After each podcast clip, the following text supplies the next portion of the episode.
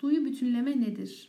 Yazan ergoterapist Müge Başkak. Seslendirme Özlem Gölyeri. Duyu bütünleme teorisi.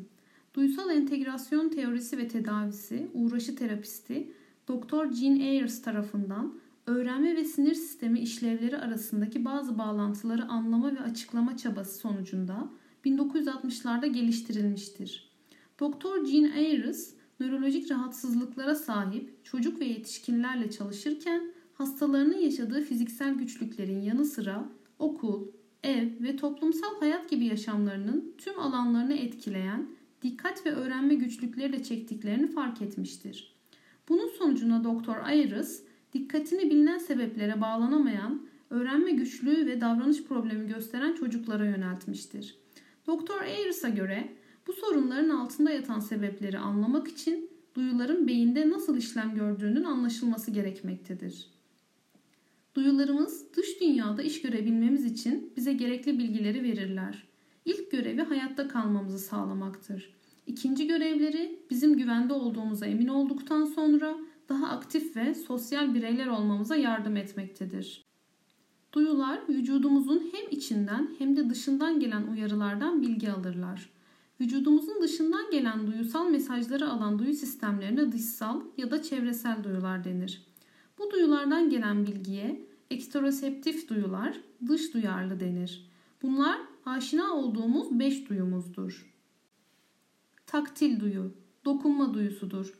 Dokunulduğumuzu hissetmemizi, bize dokunan şeyin ne olduğunu anlamamızı, tenimizdeki basıncı, sıcaklığı ve acıyı hissetmemizi sağlar. Motor becerilerin dikkat süresinin ve vücut farkındalığının gelişmesini sağlar. Koklama ve tatma duyuları, burun ve ağız vasıtasıyla koku ve tat şeklinde bize bilgi sağlar. Görsel ve işitsel duyuları, çevredeki görüntüler ve sesler ile hiç temas olmaksızın gözler ve kulaklar vasıtasıyla bilgi sağlar. Bizlere iç organlarımızdan gelen hisler ile alakalı bilgi veren interoseptif duyudur. İç organlardan gelen duyu. Hayatta kalmak için gereklidir.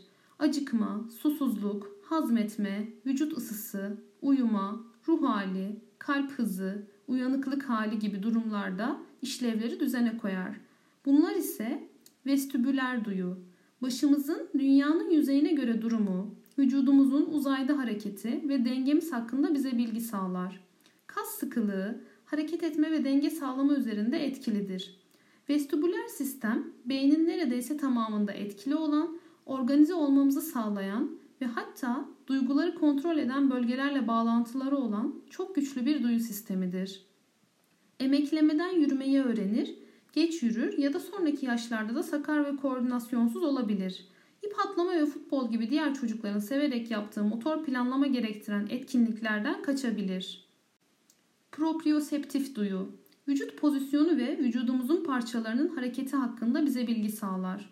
Rahat hareket etmemize ve karmaşık hareket becerileri kazanmamıza yardımcı olur. Derin duyu sistemi kaslar ve eklemlerden bilgi verdiği için kalemi doğru tutma, sırada uygun şekilde oturma, birine uygun şekilde sarılmayı, çok sıkmadan veya çok gevşek olmadan, çatal ve kaşığı doğru kullanmayı destekler. Bu sistem aynı zamanda yürümeyi öğrenme, kapakları açıp kapama ve çiğnemeyi de destekler. Duyularımızın bozukluğu olduğunda ortaya çıkan durumlar. Taktil sistem bozukluğu. Taktil sistemde oluşan bir problem veya yetersizlik birçok şekilde kendini gösterebilir.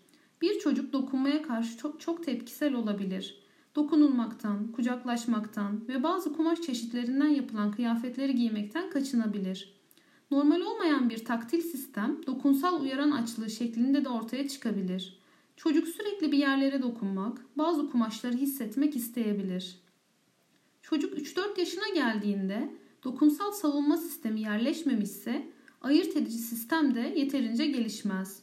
Bazı durumlarda savunma sistemi geliştiği halde ayırt edici sistemde sorun olabilir. Bu sorunu yaşayan çocuklar bakmadan düğme iliklemek gibi bakmadan bir şey yapmakta zorlanırlar. Taktil sistem bozukluğu olan çocuğun vücut farkındalığı da çok iyi gelişmez. Vücudunu rahat kullanamaz. Çünkü hareket etmek dokunmak demektir. Hareket ve dokunma duyusunun verdiği rahatsızlıktan kurtulmak için de bu uyaranlardan kaçınabilir. Taktil sistem ile görsel algı gelişimi de birbiriyle ilişkilidir. Normalde çocuk dokunduğu şeyleri görür, gördüğü şeylere dokunur. Böylece gördüğü ve dokunduğu şeylerin özellikleri beynine kaydedilir. Çocuk dokunsal uyaranlardan kaçınırsa beyin dokunma duyusu ile ilgili temel bilgilerle beslenemez. Böylece dokunma duyumları analiz etmede, yorumlamakta ve kaydetmede zorluk yaşar. Vestibüler sistem bozukluğu. Vestibüler sistemde oluşan bir problem veya yetersizlik, denge, koordinasyon ve motor planlama sorunlarına yol açabilir. İp atlama ve futbol gibi diğer çocukların severek yaptığı motor planlama gerektiren etkinliklerden kaçabilir. Beden eğitimi dersini sevmeyebilir. Vestibüler girdinin bir çeşidini sevip salıncakta sallanmak gibi, diğerinden hiç hoşlanmayabilir. Bisiklete binmek ve kaymak gibi. Dolayısıyla bu sistemin işleyişi spor etkinlikleri, beden eğitimi dersleri, çeşitli oyunlar ve evde veya okulda yapılan birçok etkinliğe katılımı etkilemektedir. Bu sistemde oluşan sorunlar aynı zamanda yer çekimi güvensizliğine sebep olur. Yer çekimi güvensizliği olan bir çocuk en ufak harekette düşüyorum endişesi yaşayabilir. Düşme ihtimali karşısında ya da gerçekten düşünce aşırı tepki verebilir. Vestibüler sistem kas tonusunu da etkiler. Kas tonusu normal haldeki dinlenme halindeki kas gerginliğidir. Kaslara bir hareketi gerçekleştirebilmek için kasların ne kadar kasılması gerektiğini beyin söyler. Vestibüler sistem beyinden kaslara giden nörolojik bilgiyi ayarlar. Vestibüler sistem bozukluğu olan çocuklar düşük kas tonusuna sahiptir. Gevşek bir vücut yapıları vardır. Masada otururken kafalarını sürekli masaya koymak isterler. Merdiven çıkarken zorlanırlar. Düşük kas tonusunu telafi etmek için nesneleri çok gevşek ya da çok sıkı tutarlar. Çok çabuk yorulurlar. Vestibüler sistem ve işitme sistemi hareket ve ses duyumlarını işleme sokmak için birlikte çalışırlar. Bu iki duyu birbiriyle yakın ilişkidedir. Çünkü ikisinin de süreçlenmesi kulaktaki alıcılarla başlar. Vestibüler sistem etkili işitsel işlemede önemli bir rol oynadığı için bu sistemde sorun yaşayan çocuklar dil ve konuşma sorunları da yaşarlar.